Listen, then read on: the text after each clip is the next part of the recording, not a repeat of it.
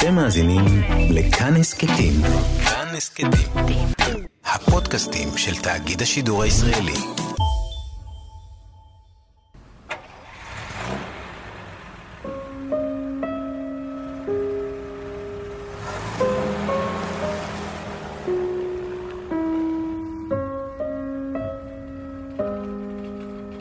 מאחורי הקלעים, שעה עם רותי קרן על צידו הנסתר של עולם התרבות והאומנות.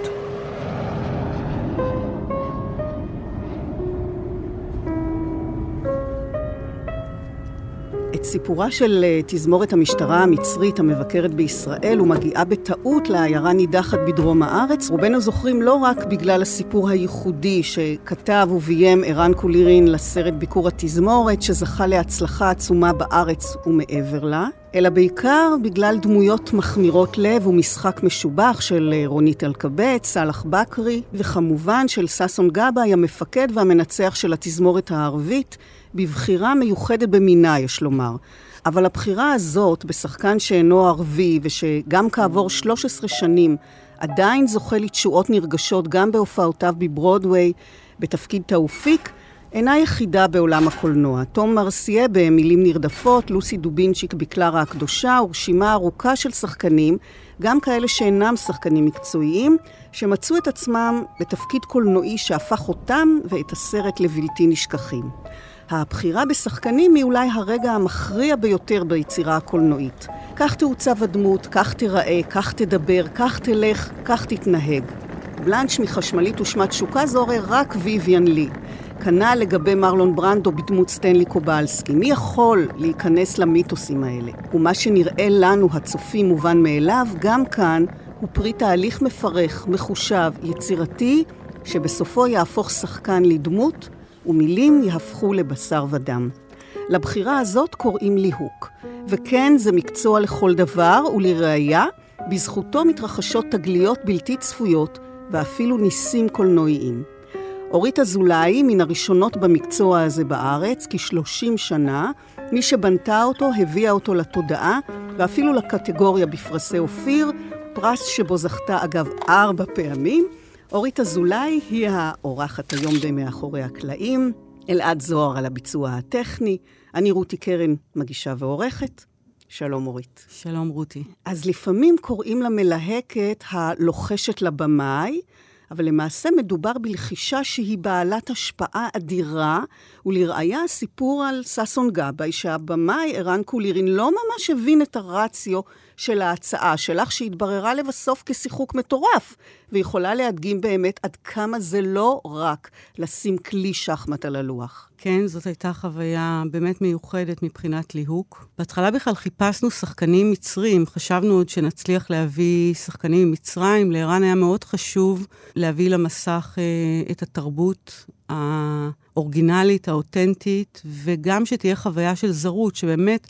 נחתה פה במדבר תזמורת מצרית. הדבר כמובן, אה, אחרי בירור אה, קצר, התברר כלא אפשרי, ואז התחלנו לעסוק בדמות של תאופיק, גבר בן 55, אה, 58, מנצח על תזמורת מצרית, אדם מאוד שמור, מלא שליטה.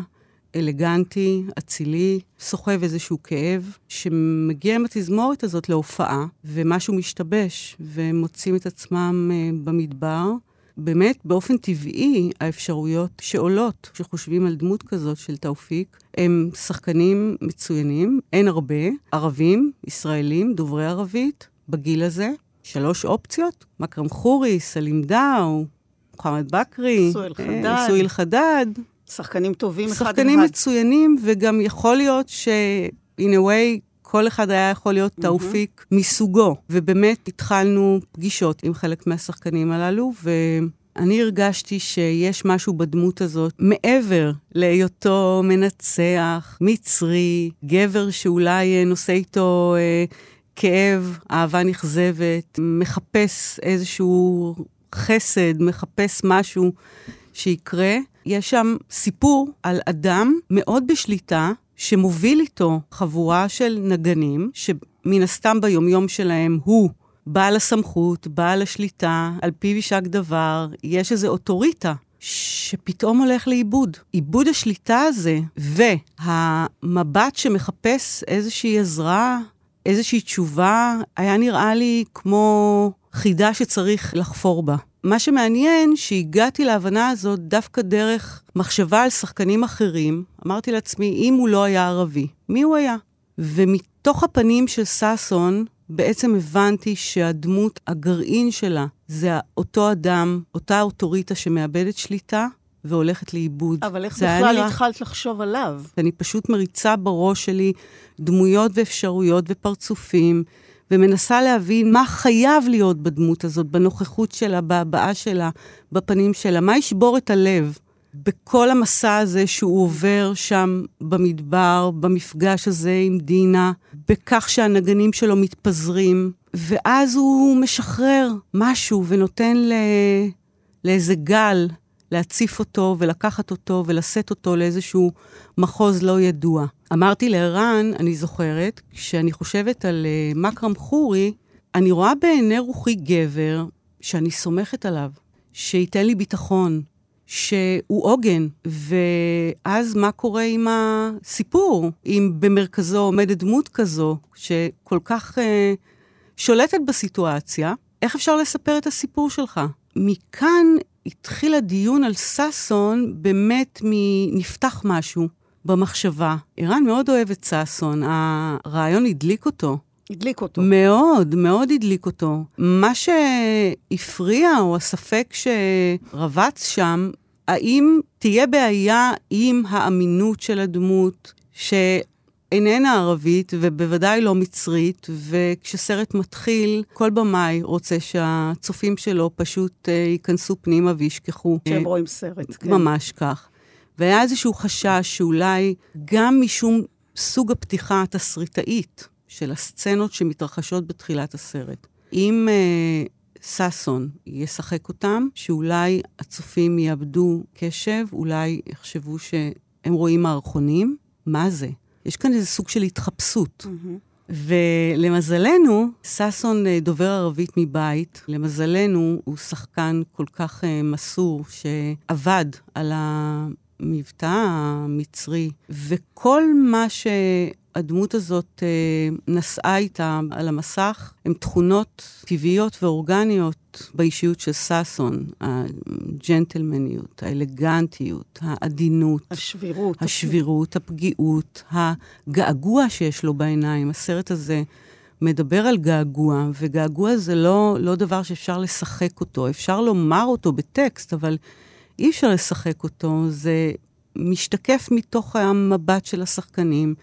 אצל ששון זה פשוט uh, מתנה. ותראי. הנה, היום, uh, היום, כל כך הרבה שנים אחרי, הוא על הבמות בעיבוד התיאטרלי לסרט הזה, וזו הצלחה לא נורמלית. זאת בדיוק דוגמה מצוינת לבמאי שמוכן לשנות את הכיוון של הספינה, להבין שיש כאן משהו שהוא אולי יותר קרוב למקור של הדבר שהוא רוצה לספר אותו, ולהעז. זה לא ברור מאליו.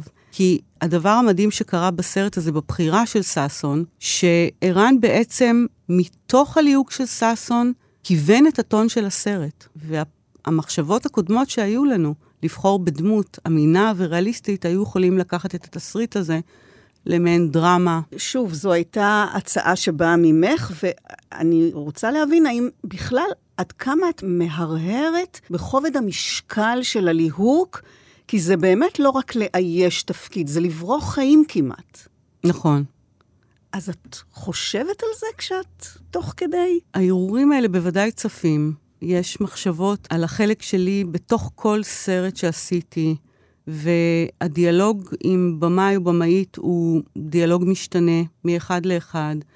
על פי סוג הקשר היצירתי שנוצר, על פי היכרות מוקדמת או היכרות חדשה, אם זה במאי ותיק שיש בו הבנה של תהליך הליהוק, אנחנו מתחילים ממקום אה, הרבה יותר מתקדם. במאי של סרט ביקורים, שזה סרט ראשון שלו, אני הרבה פעמים מוצאת את עצמי מובילה את תהליך האודישנים. בפועל, משום שזו חוויה שהוא צריך להתמודד איתה פעם ראשונה, לא תמיד יש את כל הכלים. רמת ההשפעה שלי מובנית בתוך כל סרט שאני עושה, אבל היא בעלת משקל אה, שאי אפשר למדוד אותו בתוך העשייה המשותפת הזאת, הדיאלוג המשותף הזה. התסריט, כשמתחילים תהליך של ליהוק, הוא נמצא במצב של גולם. זה כמו רחם שצריך לילד מתוכה את הדמויות. ובדיאלוג של הבמאי או הבמאית ושלי, אנחנו מבצעים את היילוד הזה של הדמויות, בהפיכתם מרעיונות, ממאפיינים, מתכונות, מסצנות, מפעולות, מקונפליקטים, לחיים. אז בואו נכניס גם את המאזינים לתהליך הארוך והמסתורי לדברייך. למה מסתורי, אגב? משום שזה גולם. תסריט זה בעצם סיפור שכתוב בצורה מאוד מאוד אה, משעממת, בתיאורים מאוד פונקציונליים. מה קורה, מה רואים, מה אומרים. אין עולם רגשי, אין עולם נפשי, אין עולם פסיכולוגי, אין עולם ויזואלי. אין את כל הדברים שהליהוק אמור להשלים אותו ולהרחיב אותו ולצקת לתוך אותה עלילה. אני חושבת שאם תסריט הוא עלילה, השחקנים הם בעצם הסיפור. אז איך זה מתחיל? כמה זמן לפני תחילת הצילומים את מתחילה את התהליך? את קוראת תסריט ומה? אסוציאציות, זיכרון, איך הראש שלך עובד? גם אסוציאציות, גם זיכרון שמצטבר ויש לו את הפלאשים שלו, את ההשתקפויות שלו. אני ניגשת לתסריט בקריאה שיש בה כמה רבדים. יש את הפשט, מה כתוב, מה קורה, מה העלילה, ויש רמזים שמפוזרים בתוך התסריט שאני צריכה לזהות אותם, שהם באים לספר משהו על הדמות. למשל, כשעשינו את הסרט המסע הארוך של ערן קולירין, הסרט הראשון שלו, אני זוכרת ש... אמרתי לו, ערן, יש סצנה שכתוב שהדמות עולה במדרגות ומתנשפת ומתנשמת, ואז אה, אותו גבר מגיע לחבר שלו הביתה, להתייעץ איתו, לספר לו מה שהוא רוצה לפרוק את ליבו, והוא פוגש איש בגילו, נמרץ, על אופני כושר, עם איזה בחורה שצעירה ממנו ב-30 אה, שנים, מכינה לו קפה. אני חושבת שיש משהו בהליכה הזאת ובמפגש הזה עם בן גילו הנמרץ, שמעיד על איזה משקל גוף כבד, על משהו שמסורבל, משהו שהוא חלק מהדמות הזאת, ו... מתוך המקום הזה כן נפתחה בעצם איזושהי תמונה שהובילה בסופו של דבר ליוסי פולק. ויש את הסוד שאליו אני תמיד חותרת, שהוא הבלתי כתוב, הבלתי נראה, הוא לא צף על פני המים. ובאמת, כשאני יודעת שהגעתי לנקודת הסוד של הדמות, אני יודעת שאני במקום הנכון. יש משהו בהצתה שמאיפה דמות נולדת, מאיפה היא יוצאת למסע שלה, שחייב להיות מאוד... מאוד מאוד מדויק. אז זה אבל החלק שאת uh, מפענחת את הסוד, כמו שאת קוראת לזה, של הדמות, אבל את זה את צריכה לחבר לשחקן. ואני מבינה שכחלק משיעורי הבית את צופה בהרבה הצגות תיאטרון, דווקא משם את מביאה שחקנים שחלקם אפילו לא הופיעו קודם על הבד. אני פונה לשחקנים, חלקם שחקני תיאטרון, חלקם שחקני טלוויזיה, חלקם משחקים רק בקולנוע. תיאטרון הוא כמובן איזשהו מקור שבו אני יכולה להתרשם ממה ששחקנים עושים, לראות תפקידים שלהם, את ההתפתחות שלהם. שחקן מאוד דרמטי, שפתאום אני רואה אותו בהצגה, והוא נורא מצחיק. זה לא קרה קודם, אני יודעת שאני יכולה להשתמש באיכות הזאת שלו בתפקיד ביום מן הימים, כשזה יהיה רלוונטי. זאת אומרת, יש איסוף בעצם של מידע לאורך כל השנים, שהוא איסוף מצטבר, mm-hmm. מתוך צפייה בהמון הצגות, מאות אלפים. בתוך צפייה בסטודנטים למשחק, מתוך האודישנים עצמם. זה ידע מצטבר. שחקן או שחקנית שעשו אודישן לסרט אחד ולא התאימו, אני מוצאת שהם יהיו נפלאים במקום אותם, אחר. את זוכרת אותם, הם נמצאים אצלך כן, במגירה. כן, זו ספרייה, ספרייה מאוד מאוד רחבה ודינמית, שאני צריכה גם כל הזמן לעקוב. היא לא סטטית. את צריכה גם לדעת לשלוף אותם. אה, לשלוף אותם, כן. רגע השליפה, כן, רגע השליפה הוא רגע מאוד מאוד קריטי. כן, זה קרה לי המון פעמים. וישנם גם שחקנים שבזכותך אה, זוכים לקאמבק. אה, שחקנים שזוכים לקאמבק, או לשינוי type, שזה גם דבר שמאוד משמח אותי. למשל, בליהוק של רן דנקר במוטלים בספק. אני חושבת שבתודעה שלנו, של הצופים, רן היה מין אלם חמודות, משחק בטלנובלות, בחור מתוק, מקסים, חתיך, והיה עונג גדול להביא אותו אל המסך בסרט הזה בדמות מרגשת, מיוסרת, תלושה, אבודה, רן כפי שהוא היום, במקום שהוא נמצא היום, במקום שהוא אליו הגיע בהתפתחות שלו כשחקן לאורך השנים. זהו, שאפילו שחקנים מוכרים, גם כאלו שמופיעים הרבה בקולנוע, גילה אלמגור למשל, שביימה, כתבה ושיחקה באין ספור סרטי קולנוע נפלאים, ובכל זאת היא לא סומכת על זה שיזכרו שהיא קיימת.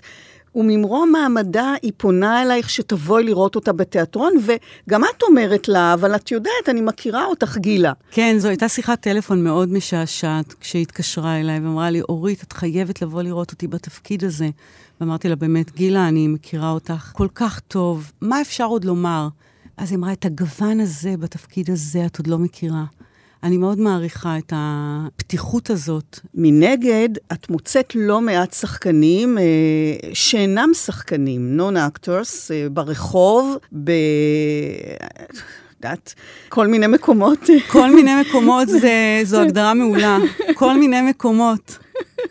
השאלה שאני נשאלת בכל פעם שצופים אה, יוצאים מהקרנה של סרט שמשחקים בו שחקנים שאינם שחקנים, איפה מצאת אותם? אני עונה, פחות או יותר, כדי להיות אה, מנומסת ונגישה, אבל בפנים אני אומרת לעצמי, התשובה היא לא איפה מצאתי אותם. זה תהליך כל כך ארוך ומורכב, שזה לא עניין של מקום, של כתובת. במגרש המשחקים, במגרש הכדורגל. זה באמת אה, תחקיר שטח מאוד מאוד נרחב, ש... שולח אותי לפי המפתח שבו אני שואלת את עצמי איפה נמצאים אנשים כאלה, איפה חיים אנשים כאלה, איך נראים אנשים כאלה, מי הם החברים שלהם, איפה הם מבלים. אני מנסה למקד באמת גם אזור, גם טריטוריה גיאוגרפית, כדי לכוון את עצמי ללכת למקומות ספציפיים, שדרך אגב, לא תמיד אה, המקום הגיאוגרפי הוא זה שדרכו מגיעים לדמות. למשל, במוטלים בספק, חלק גדול מהנערים לוהקו מאור יהודה, אבל גיבור הסרט חי בקיבוץ, הדר חזזי. כן. לא הייתי חושבת להגיע לקיבוץ הזה, לחפש שם את הנער הפרוע והמופרע הזה. אז זהו, אז את מוצאת את הלא שחקנים האלה, ובום, את משנה את חייהם בבת אחת, ומביאה את הרכיב המרכזי ביותר לסרט. קודם כל, אני משנה את חיי. ההתרגשות uh, היא עצומה, אין דרך לתאר את האושר כשזה מתרחש. אני לא חושבת שאני משנה את חייהם. רובם חווים חוויה חד פעמית, כמו למשל בסרט הנוער של תום שובל, האחים קוניו, שבאמת עברו חוויה מטורפת. שני ילדים, שני חיילים, חיים בקיבוץ בדרום, הסרטים שהם ראו הם סרטי אקשן, לא מחוברים לקולנוע, לא מחוברים לאומנות. והחיים שלהם נהפכו, אבל נהפכו לתקופה מסוימת, ולא היה לזה המשך. אבל לפעמים יש לזה המשך. כשיש לזה המשך זה נפלא, כן. אז דוגמה מן הזמן האחרון, תום אה, מרסייה, כוכב סרטו של אה, נדב לפיד הוא לא non actor, הוא אקטור באבוע.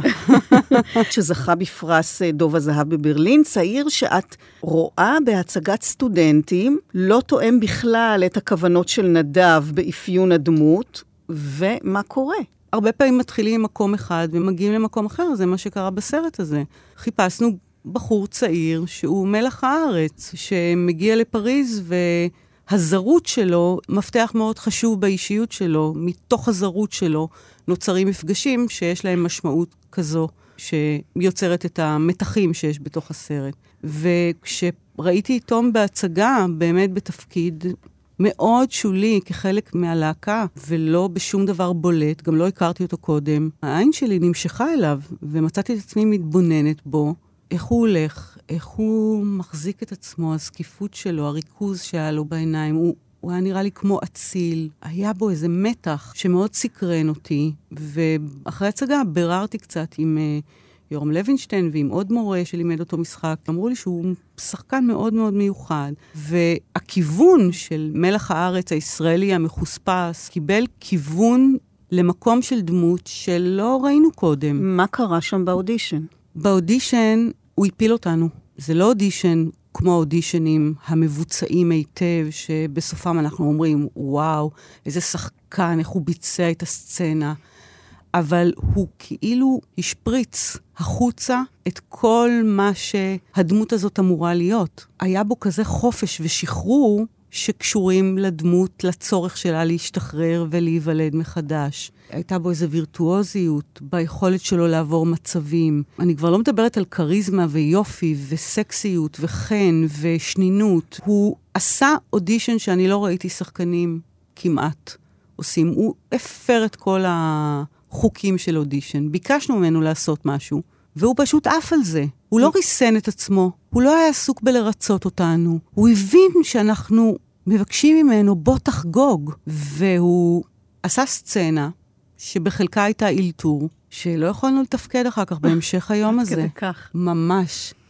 ממש הוא חידה הבחור הזה, כי במהלך ההיכרות שלי איתו הבנתי כמה הוא דומה לנדב בהמון דברים. אז גם תום וגם ששון גבאי ועוד רבים אחרים היו אולי מנוגדים לטייפקאסט המקורי שאיתו יצאתם לדרך, שזו בכלל סוגיה בעייתית, אפיון מסוים של שחקן שמלוהק בקביעות לאותו סוג תפקידים.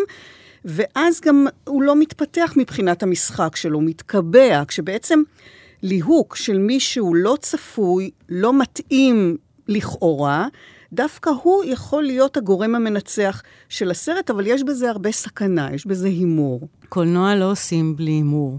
הסתכנות היא חלק מהעניין. כן, אבל אנחנו יודעים שהרבה פעמים מלהקים typecast לסרטים.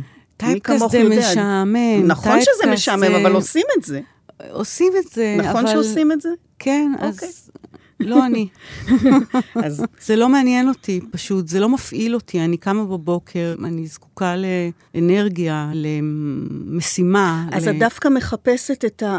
אלה שלא במבט ראשון הם יכולים להתאים, ולוקחת את הסיכון הזה. אני חושבת שאם אתה במאי שיש בך תעוזה, ואתה יכול להשתלט על החרדות שכן תוקפות, כל אחד אני מאמינה, אני תמיד ממליצה ללכת עם הלא מוכר, השונה, שיכול uh, ליצור דבר חדש. זה גם יכולת, אני חושבת, שלך לראות, הנה הזכרת את רן דנקר, לראות מה שיכול להיות טמון בו מעבר למה שאנחנו מכירים. נכון. זה מצד אחד. נכון.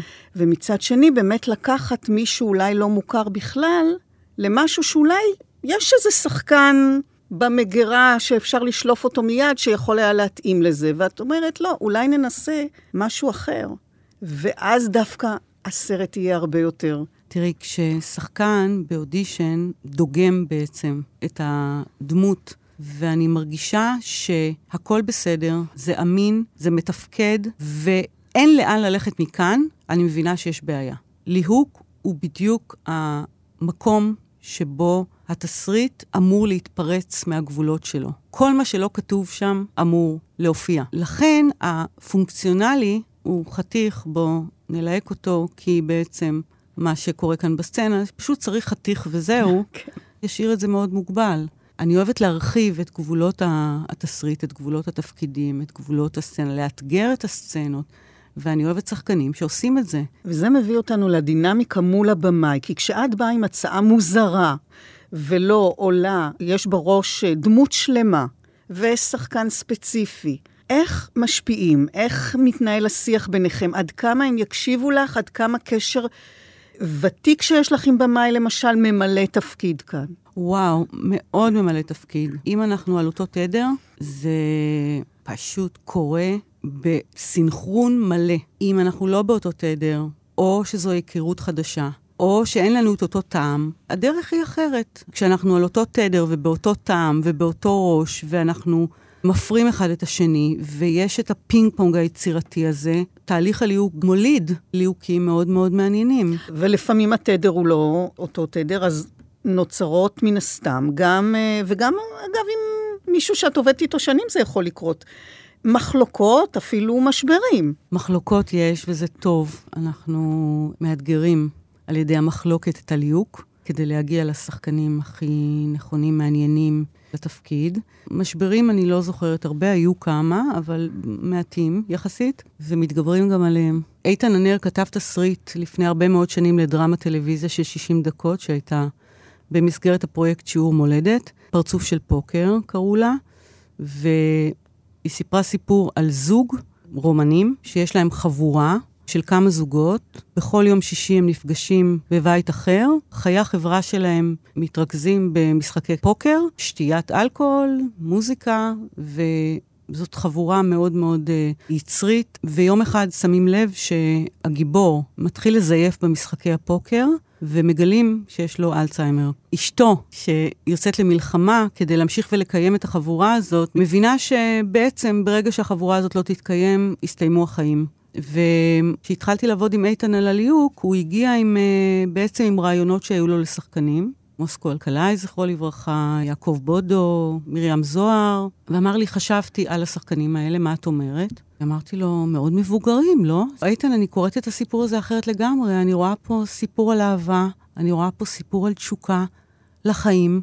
אני ממש לא רואה סרט על זקנה ומחלה. אם זאת הפרשנות הליהוקית שלו, ככה צופה גם יקרא את הסיפור, שזה מה שרצית לספר. הוא אמר, אז מה עולה בדעתך? ושיתפתי אותו ברעיונות שהיו לי, ששון גבאי וסנדרה שדה, זוג נפלא. הוא אמר, מה פתאום, הוא צעיר, אין אנשים בגיל הזה שחולים באלצהיימר. אמרתי לו, לך תבדוק. אם יש אחד כזה בעולם שחלה באלצהיימר, אתה יכול להרגיש לגמרי רגוע ושקט שזה אפשרי, מבחינה סטטיסטית, רפואית. אה, היה אחד, וששון גבאי עכשיו בתפקיד הזה הוא השני. מה שקרה, שאלתי אותו, איתן, מאיפה הסיפור הזה נולד? הוא אמר, זאת החבורה של סבא וסבתא שלי. אני זוכר את עצמי כילד, בימי שישי, מציץ, ורואה אותם יושבים, ויש איזה עשן של סיגריות, והכוסות וויסקי, ומשחקים קלפים, וצוחקים. יש משהו גם מאוד מיני בתוך התיאורים האלה. הם לא ויתרו על האירוטיקה. אפילו ביניהם יש כל מיני מין בדיחות גסות כאלה עם סאבטקסט. אמרתי לו, אוקיי, אז אתה כותב את זה על זיכרון ילדות שלך מסבא וסבתא שלך, בן כמה היית כשהחוויה קרתה? עשר, אחת עשרה. אוקיי, ובני כמה הם היו? שישים, חמישים ושמונה? אמרתי לו, נכון. אז הסיפור האותנטי התרחש כשהדמויות האלה היו בגילאי 58, 55, ובעצם צריך לספר את הסיפור. היום אתה כבמאי בוגר עם פרספקטיבה של יוצר, אבל מנקודת המבט של הילד, והם חייבים להיות צעירים. והדרמה, בסופו של דבר, שהשתתפו בה מיקי ורשביאק ויצחק חזקיה ושבתאי קונורטי, זכרו לברכה, ואילי גורליצקי ורוזינה קמבוס הנפלאה, פשוט זה דרמה יצרית מאין כמוה. הוא קיבל את דעתך. הוא התפתח לתוך זה, כן, זה שלבים. כן. כן. לא, יש כאן אחריות עצומה, וגם חייב להיות אמון מאוד גדול ביניכם. נכון, וביטחון. נכון, נכון, אמון זה דבר מאוד חשוב. אמון ובשלות. בעצם ההצעות מגיעות ממני, אני מחליטה מה יש לי בסל, מה אני יכולה להציע. אז זהו, זה אומר ששוב, שכשאת מגיעה עם הצעה, זה לא שרירותי, את מכניסה לשיקולים שלך אין ספור פרמטרים. מה שתיארת כאן זו ממש עבודת עומק פסיכולוגית כמעט אל שכבות פנימיות, שאולי לא נראות במבט ראשון. את נכנסת פה לשאלות אישיות. שבסופו של דבר הובילו לבחירת השחקן הנכון. הדיסוננס הזה, בחוויה שלי, את הסיפור, אני קוראת ואני מדמיינת את התמונות, אני רואה ממש את הסלון הזה, אני רואה את החבורה הזאת, אני רואה את הנשים הלבושות במיטב הבגדים ה... והוא הס... שמח עלייך והלך עם ההצעה הזאת. כן, אז אלה באמת, שאלת קודם על משבר או על מאבקים, אלה רגעים של חיכוך, כן.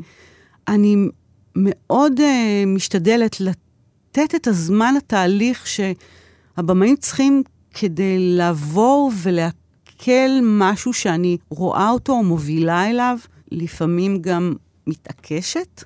מזהירה הרבה פעמים, שאני רואה ממש אסון עומד לי, להתרחש. מה זאת אומרת? לפעמים אני רואה שהולכת להיות כאן בחירה שממש תהרוג את הסרט. עד כדי כך. כן, כי הדבר הבלתי הפיך היחיד שיש בסרט זה הליהוק שלו. בכל השאר אפשר לעשות mm. מניפולציות אחר כך, כן? בעריכה ובצבעים, ולהפוך יום ללילה, ובקאטים, וב... מה לא? וקרה לך שראית שהולכת להיות בחירה ש... תהרוג את הסרט. כן. כשזה קורה, אז אני, אני מתריעה, אני ממש אה, מרגישה שזה התפקיד שלי. לא- וקרה לא... שלא קיבלו את דעתך? ש, ש, שהבמאי מתעקש, ובסופו של דבר זה גם בא לביטוי בתוצאה? שנתתי לאסון להתרחש? כן. וואי, לא עולה בדעתי ממש אסונות מסדר גודל כזה. יכול להיות שבתחום uh, תפקידי המשנה, זה קרה פה ושם. אבל אז זה לא ברמת אסון. קורה שאת טעית, או אפילו התחרטת על בחירה שלא קלט נכון, שפספסת? את יודעת, אפילו נניח קרה לך שהסרט כבר עולה לאקרנים, ואת מסתכלת ופתאום קופץ לך ליהוק אחר שאולי התאים יותר. וואו, בא לי שיקרה לי כזה. אמ, לא, לא הכל מושלם. לפעמים אני יכולה לראות חולשה בדמות הסופית על המסך, שאם אני אפרק מה קשור לליהוק, מה קשור למשחק, מה קשור לחוויית העבודה שהייתה על הסט, מה קשור לפרטנר לא טוב שהפעיל דברים לא טובים, אז אני לא יודעת. תראי, זה כל כך גורלי, ואני תוהה למה בעצם לא מספיקה הבחירה, הנטייה של הבמאי. זה הסרט שלו, הוא מכיר טוב מכולם את הדמויות. למה בעצם צריך אתכן המלהקות? כלומר, אילו תכונות נדרשות לתפקיד הזה שמצדיקות אותו? ידע, ידע עצום. לא כל במאי שעומד בפני הפקת סרט מכיר שחקנים. ניסיון, דמיון, אינטואיציות, הבנה דרמטית, הבנה אסתטית, חושים אסתטיים, יכולת פענוח, יכולת פרשנות, יכולת לזהות משהו באודישן ולהפוך אותו באותו רגע, כי השחקנית לא זיהתה את מה שהיא יכולה לעשות מזה באותו רגע, ומכוונון קטן פתאום זה קורה. הבנה במשחק, בשחקנים, בבני אדם, בהתנהגויות של בני אדם, בהבעות של בני אדם, ברגשות, בפנים, בנסתר, בווריאציות שאפשר uh, לעשות בין דמות כתובה לשחקן וליצור מזה דבר שלישי. הקומבינציה. אילו תכונות שניחנת בהן ומצאת להן שימוש, או שהן נבנות ומשתכללות עם השנים? שאלה יפה. אלה תכונות שאני מניחה שחלקם היו קיימות uh, מתחילת הדרך. אינסטינקטים טובים תמיד היו לי, ואינטואיציה, ויכולת לראות מבעד למשהו. כאילו, להסיר מסכים בצורה מאוד uh, בלתי אמצעית, אין לי הסבר לאיך זה קורה, אבל אני רואה. אני רואה פנימה. ואני מניחה שעם ההתפתחות שלי כאדם, עם כל המטען שלי כאדם, אלה תכונות שמשתכללות, מתחדדות, הניסיון הולך וגדל. אני מאוד מהירה, אני חושבת, ביכולת שלי לזהות ולאבחן ולהבחין ולחבר ולקשר בין רבדים שונים של דמות, בין איכויות שונות שנמצאות בשחקן, אבל הן אינם בדמות, והן בהחלט שמישות לדמות, והן בהחלט יכולות להפוך את הדמות למשהו הרבה יותר מעניין, בוודאי כשמדובר בדמויות גנריות שאין להן, דמויות משנה, שאין להן, אה, להן סיפור משלהם. איך הופכים על ידי הליהוק דמות משנה פונקציונלית? יש דמויות כאלה, לפעמים צריך אותן. לדמות שעם הופעתה על המסך, מעצם הליהוק שלה, היא כבר תספר סיפור. זאת אומרת, זה storytelling שהליהוק מניע אותו, הוא לא כתוב בתוך התסריט. כן. אבל אפשר לדמיין שוואו, אה, זה בן אדם כזה וכזה, וואי, באמת. הוא טכנאי, יש לו עבודה מאוד מאוד פונקציונלית, אבל אה, איך נראה טכנאי? בן כמה הטכנאי? איזה טכנאי נכון יהיה להציב ליד רותי בתוך האולפן הזה, שיעשיר במשהו את השגרה היומית שלהם בעבודה, אם זו סצנה בסרט, איך אפשר לדחוס פנימה לתוך האירוע הזה דבר נוסף. הדחיסות היא דבר שמאוד מאוד uh, מפעיל אותי. לחפש תמיד את התמצית של הדבר ולכבד את קדושת הפרם. את מדברת על המבט, על היכולת שלך לראות מצבים, גם כאלה שנקרים על דרכך ביומיום. נכון? את, את הולכת ברחוב ואת רואה המון דברים שאולי האדם הממוצע לא מבחין בהם. אני לא מדברת על קולנוע. על אנשים, על... Uh, על ניואנסים, אה, כל הדברים האלה משרתים אותך בעצם כשאת מחפשת ליהוק מוצלח, נכון? כן, נראה לי שיש לי איזו עדשה מובנית על העין. שסוקרת, ש... שסקרנית וסוקרת ואוספת כל הזמן מידע על ההתנהגות האנושית, על העולם, על הצורות מבע השונות שיש לדברים, על איך אנשים נראים, על... מה הפנים שלהם מספרות. אני יושבת באוטובוס, ואני יושב מולי אדם, ואני, לא נעים להסתכל לו לתוך הפנים, אבל זה הדבר הכי מעניין מבחינתי mm. לעשות באותו רגע. את גם מסוגלת לנבא הצלחה של סרט, שאולי אחרים לא מבחינים בפוטנציאל שלו מלכתחילה. גם הסרט אפס ביחסי אנוש וגם ביקור התזמורת, ידעת שהם הולכים לשחק בגדול. ביקור התזמורת, אני ראיתי את זה מתוך תמונות הסטילס אחרי הצילומים. בתוך הפרמים, אני ראיתי שזה פשוט וואו, מדהים, אחד גדול. אפס ביחסי אנוש אה, הכרתי בכישרונה, ואני עדיין מכירה בכישרונה של טליה לביא, וביכולת הכתיבה המדהימה שלה, השנונה והמורכבת והרב-רבדית, ונכנסתי לפרויקט הזה בידיעה שהולך להיות כיף, והולך להיות uh, שמח. אבל ידעת שהסרט יצליח. אני לא... הרגשת. הרגשתי שהסרט יצליח כשראיתי אותו בחדר עריכה ברפקת. אז יכולתי להגיד לטליה, אפשר להירגע, mm. זה פשוט אז זהו, שוס. כי, כי אפרופו אפס ביחסי אנוש, הבחירה של שני קליין לתפקיד אה, מרכזי זאת הצעה שלך, בניגוד לתחושת הבטן של הבמאית, שחששה מאוד, ממש התחננה אלייך בטענות אם זה לא עובד. זה לא מדויק. אני הצעתי אותה, והיה חשש גדול, מכיוון שהיא לא, היא לא הייתה הדמות שחיפשנו, הכיוון שהלכנו בו, ו... הדבר שאת מדברת עליו הוא אחרי צפייה באודישנים ואחרי שבועיים שלושה של התלבטויות והחלטות, רגע הכרעה, עכשיו צריך להחליט, עכשיו צריך לבחור. אורית, תגידי לי שזו הבחירה הנכונה. זה לא בא ממקום של uh, תחנונים או של חוסר ביטחון, זה כאילו, תביטי לי בעיניים, יש לי אמון בך, תתני לי חותמת שאין כאן טעות. לא כי היא לא פחדה מהבחירה של עצמה, או לא הייתה בטוחה, זה מאוד מפחיד. לקחת שחקנית שכל מה שיש זה כמה סצנות מצולמות, לא רואים את השחקנים באודישנים, איך הם יראו בכל הסרט. צריך לעשות עבודת מחשבה ולהשליך מתוך mm. מה שאנחנו רואים על סצנות שהן לפעמים אפילו סצנות קטנטנות, אה, איך היא תצא מהחדר כשהיא מגלה שגרסו לה את כל התיקיות, לראות את האימג' הזה. אז אני חושבת שהבחירה, ההצעה לשני קליין, הייתה לגמרי מקובלת על אה, טליה, וטליה הלכה איתי. הפחד היה של שתינו, האם אנחנו לא מלעיגים דמות שממילא כל החיילים לועגים לה, לא לועגים לה, מנצלים אותה אולי, או מתנשאים עליה, וחלק מהיותה של שני אבד בשר.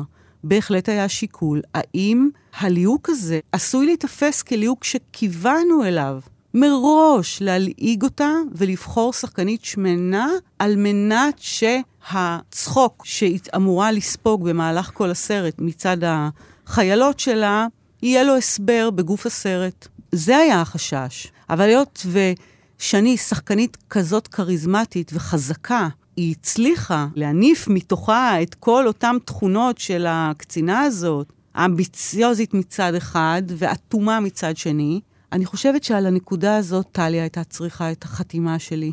אנחנו מדברות על זה שאת קוראת תסריט ואת מדמיינת ואת מחפשת ואת משוטטת, כל התהליך הארוך הזה מתנקז לשלב המרכזי בתהליך הליהוק, שזה האודישנים. אותם מבחני הבד לשחקנים, וזו סיטואציה שברירית מאוד. אני זוכרת פעם שמיכל בת אדם אה, אמרה שהיא לא בונה רק על אודישן, כי שחקן יכול להיות כל כך במתח שהוא לא יצליח להעביר את היכולת שלו המלאה למלא את התפקיד. נכון. מנגד את פוגשת, וזה קורה דווקא לאלו שאינם שחקנים מקצועיים, כאלו שזוהרים באודישן, כמו באמת אה, תום מרציה או בר בלפר במישהו לרוץ איתו. נלי תגר באפס ביחסי אנוש, רן דנקר, יובל אה, נהרי בימים נוראים. יש הרבה מאוד דוגמאות לשחקנים שזהרו באודישן.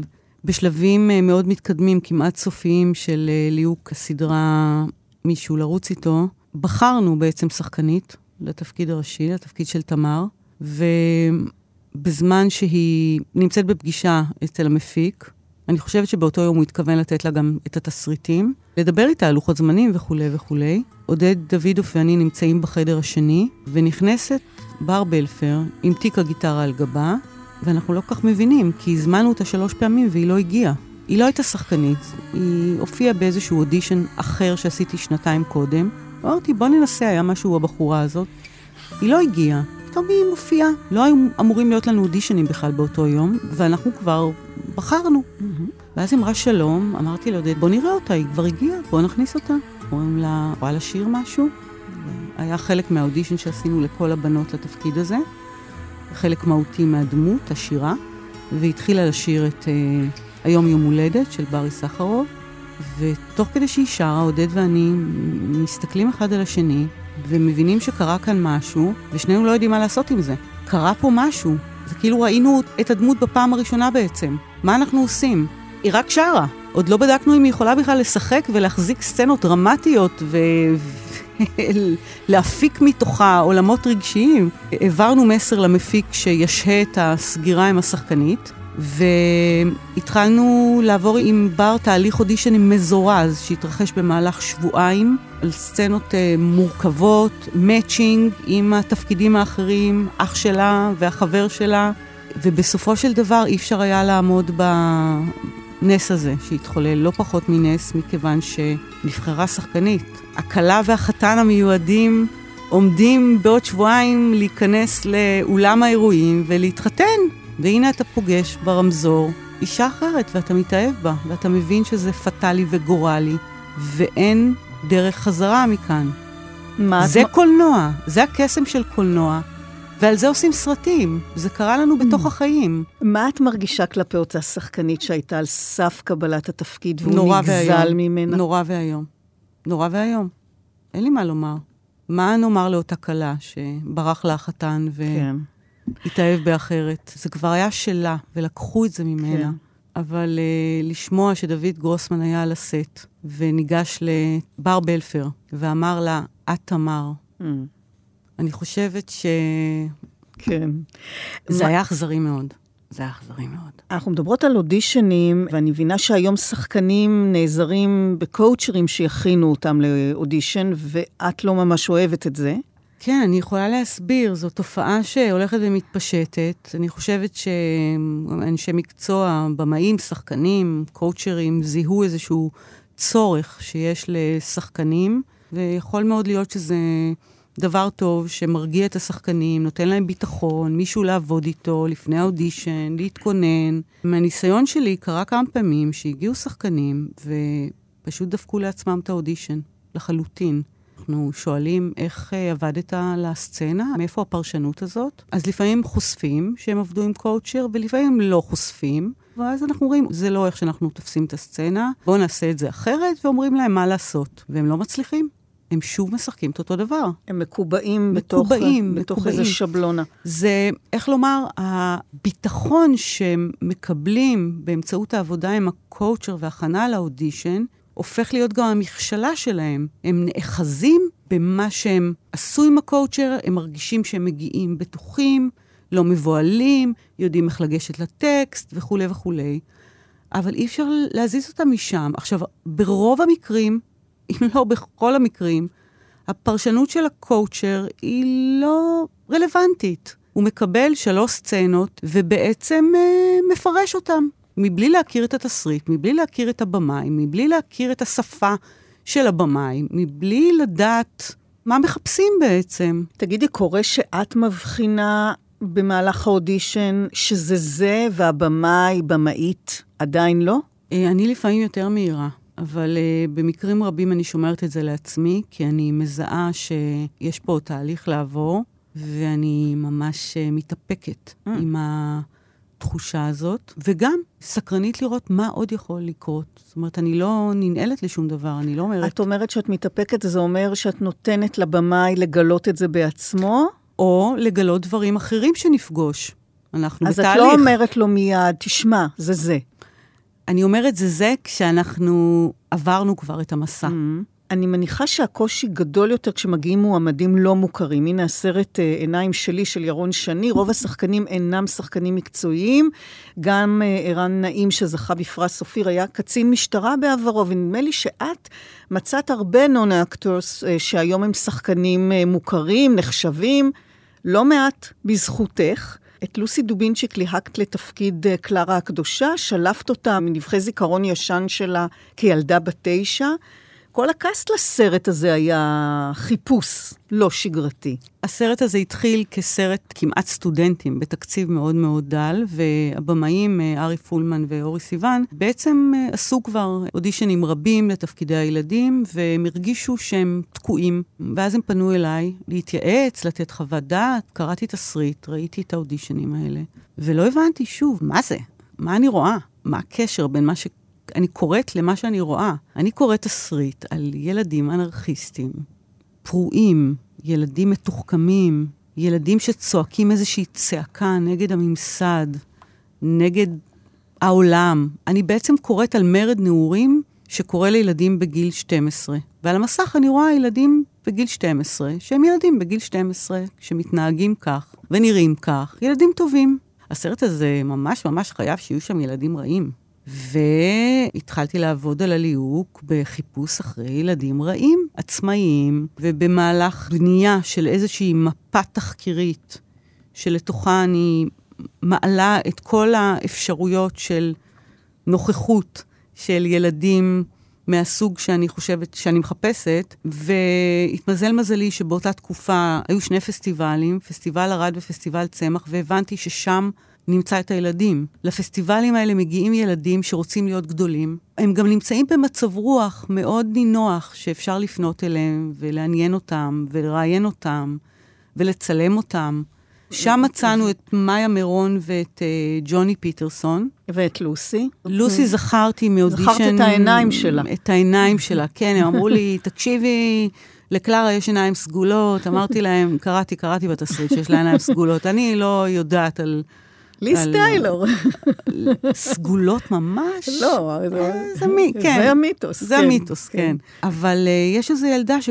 באמת עשיתי לה אודישן לפני שלוש שנים, ככה חיטטתי בתוך קלטות ה-VHS ומצאתי אותה. הקרנתי להם את האודישן של חמש דקות מאיזה תשדיר שירות, והם ראו את זה ואמרו, וואו, מצאנו את קלרה די מהר. את יודעת מה מעניין? שלפעמים הקשיים הם דווקא באיזשהו תפקיד משנה של שתי סצנות שיכולים לשבור עליו את הראש uh, תקופה מאוד מאוד uh, ארוכה ולהסתבך איתו, ולפעמים הפתרון הוא ככה. אבל את יודעת, ליהוק כזה, שאולי הוא מדהים ברגע הראשון, אבל בכל זאת, את יודעת, משחק זה מקצוע. כשחקנית לשעבר, אני אומרת לך שזה מתסכל את מי שלמד אוניברסיטה, בתי ספר למשחק, נכון. לימודים מפרכים, תובעניים, ופתאום מגיעים מהרחוב ישר לתפקיד ראשי. אז בכל זאת צריך להכשיר אותם לשחק. נכון, ואנחנו מכשירים אותם לשחק. נותנים להם לראות סרטי קולנוע רלוונטיים. בסרט הנוער של תום שובל היו להם uh, שיעור של uh, קרבות במה או משהו כזה. ססי סמוכה, שהכשיר אותם לתפקיד, עשה להם uh, שיעור באומץ. הוא אמר להם שהם צריכים uh, לגנוב משהו מסופר ולפוצץ uh, איזשהו גלגל של מכונית של מישהו. עושים להם סדנת משחק, שיעורי משחק. כל מה שרלוונטי לתפקיד שלהם.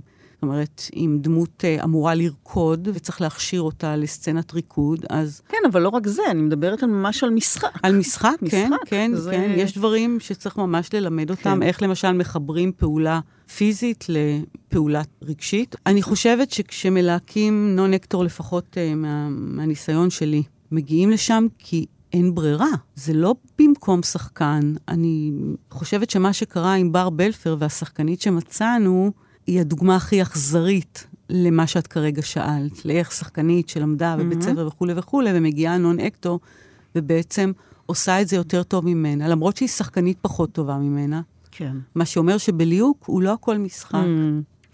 תגידי, ועד כמה ליהוק יכול ממש לשנות תסריט, לשנות כוונות בימוי, אפילו עיצוב דמות? זה קורה?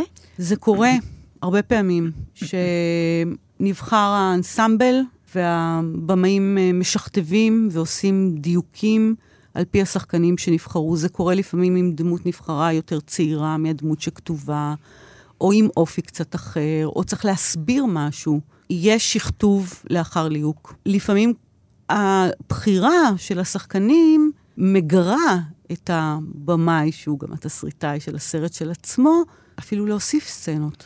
ואני מניחה שזה גם משתנה מבמאי לבמאי, מערכת היחסים שלך איתם, הנטיות של כל אחד. כלומר, נניח לשמי זרחין תלהקי באופן שונה מלחגי לוי או לנדב לפיד, איך זה משפיע עלייך, על הבחירות שלך? עם כל במאי יש לי שפה תקשורתית, אנושית, יצירתית, אחרת. עם נדב, עם תום שובל, אה, השפה של הדימויים היא מאוד חזקה. גם ערן. ערן אנחנו, כן, ערן זה גם שיחות פילוסופיות, זה גם אה, שיח ספרותי, ערן הוא צריך להגיע לפואטיקה המיוחדת שלו. כשיש לנו את אותו טעם, אז אני מכוונת את עצמי מתוך עצמי, ואז אה, אין שום בעיה.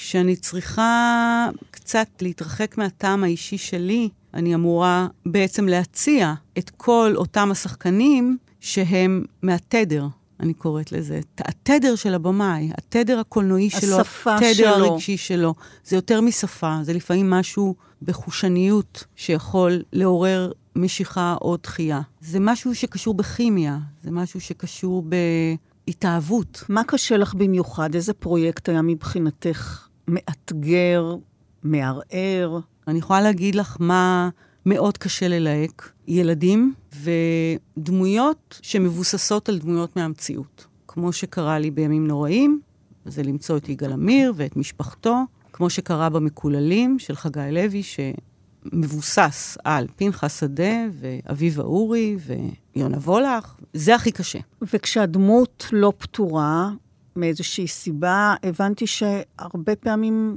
הפתרון מגיע אלייך בחלום. כן, אני בן אדם שחולם הרבה, והחיים מתערבבים. זה נכנס כמו- לתוך החיים שלך, זה נכנס לחלומות, לתוך החיים שלי. ומשפיע על הבחירות? כלומר, את יכולה לקום בבוקר אחרי שחלמת, ושם אה, יהיה לך את הליהוק? אז כשאני קמה בבוקר ואני אומרת, אה, זה הוא? לא, זה כן. לא כזה. אני יכולה לקום עם, אה, עם image, אני יכולה לקום עם תובנה, אני יכולה לקום כי חלמתי על מישהו או מישהי, ואני מנסה להבין למה הם הופיעו לי בחלום, כשבעצם בלילה הלכתי לישון עם איזו מחשבה מטרידה, ואני אומרת לעצמי, אה, חלמתי עליה, כי בעצם, תמיד אני אומרת על השחקנית הזאת, שהיא גוש של אה, אופטימיות ושמחת חיים. אז בעצם היא הופיעה בחלום, כי בעצם אני צריכה לחפש מה קשור במה שאני עושה היום לעניין של אופטימיות ושמחת חיים. אני כאילו מפרקת את זה בצורה שאני מאוד לא אוהבת, כי זה כבר איזה שהם רבדים יותר מיסטיים ויותר פנימיים שלי עם עצמי, שאני לא נותנת עליהם דין וחשבון, ואני ככה מספקת תשובה. גם הסרטים הם סוג של חלומות, הם חלומות של אנשים, והם מתערבבים בתוך החלומות האישיים. ואני אמורה להיות חלק מיצירה, מתוך חלום של יוצר, שהופכת להיות חלום. שאיזה צופה יראה אותה, ואולי הסרט הזה בעבורו זה יהיה חלום. וזה הקולנוע, לא? הזכרת אה, את הקושי ללהק אה, ילדים. אחד הליהוקים המדהימים שלך, בוודאי מן הקשים, הוא הליהוק של הילד אה, אבי שניידמן לתפקיד המרכזי בסרט הגננת של נדב לפיד. זה לא רק נון אקטוס, זה ילד שמחזיק על גבו סרט מלא. סיוט, וחוץ מאבי, אני לא מאמינה שיש עוד ילד כזה בישראל. באמת.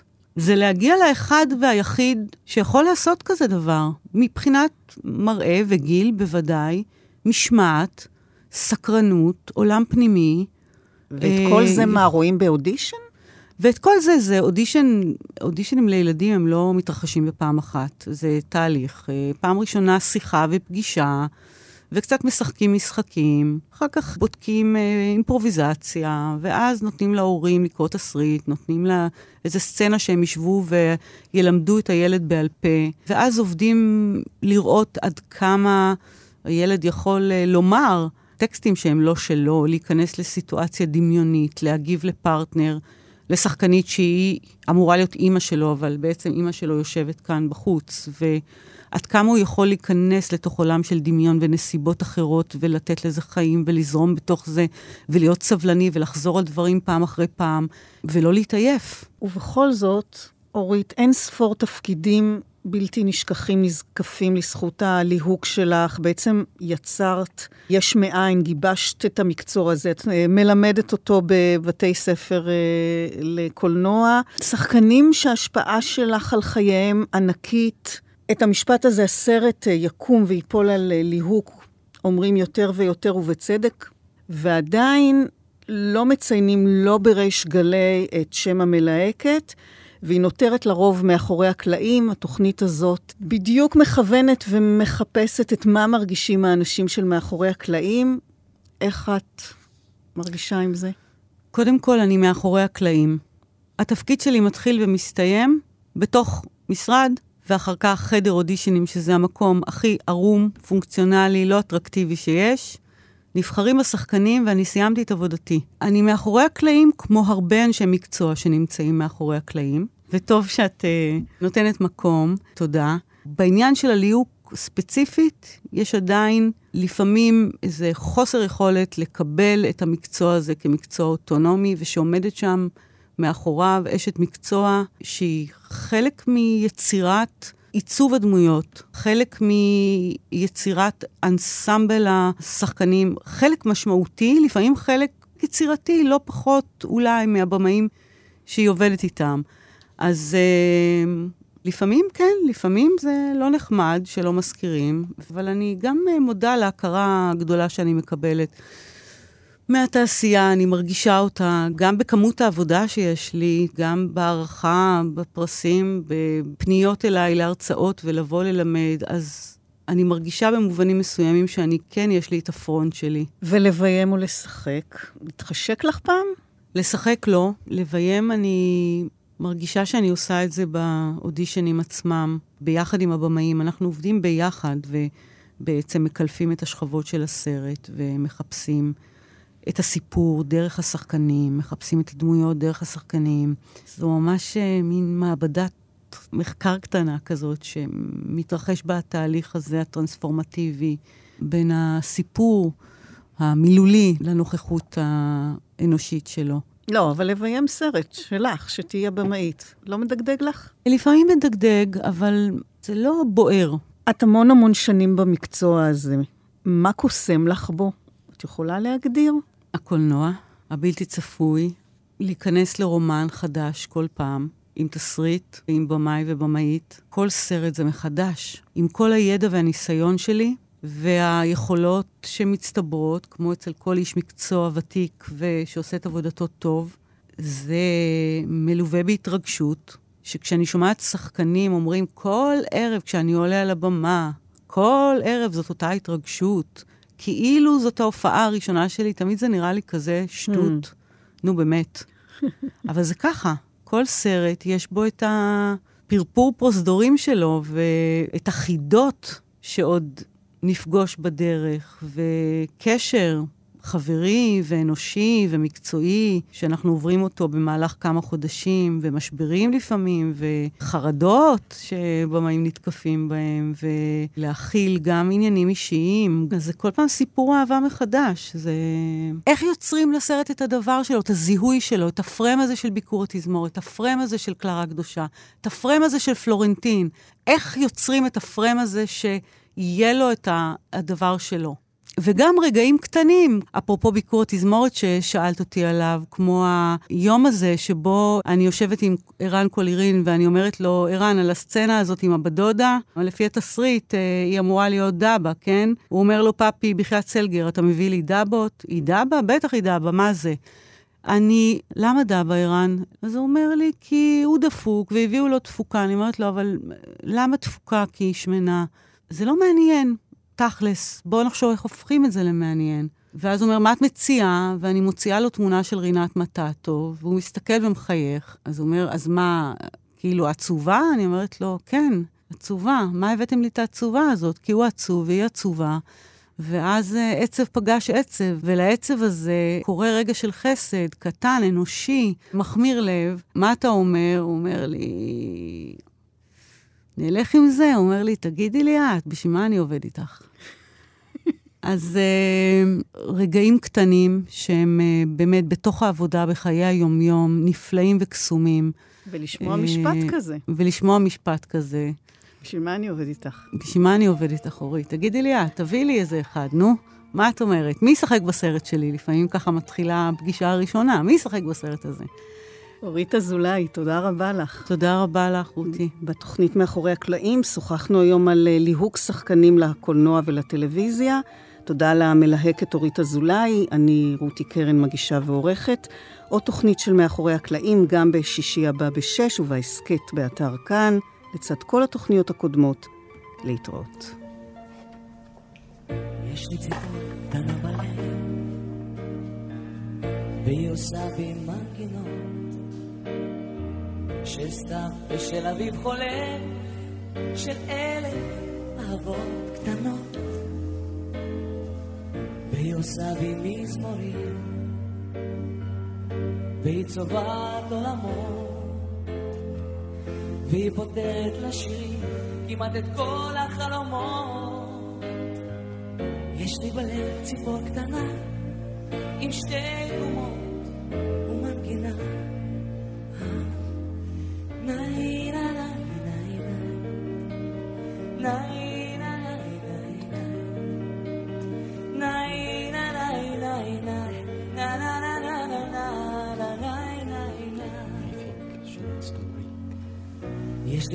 את צריכה לשתות. והיא עושה בי סיפורים של בית חם ובן אוהב ושל קטעי ילדות יפים והיא זוכרת בי גב והיא אוספת בי שנים והיא עושה אותי שלב אולי גם החיים. יש לי בלב ציפור קטנה עם שתי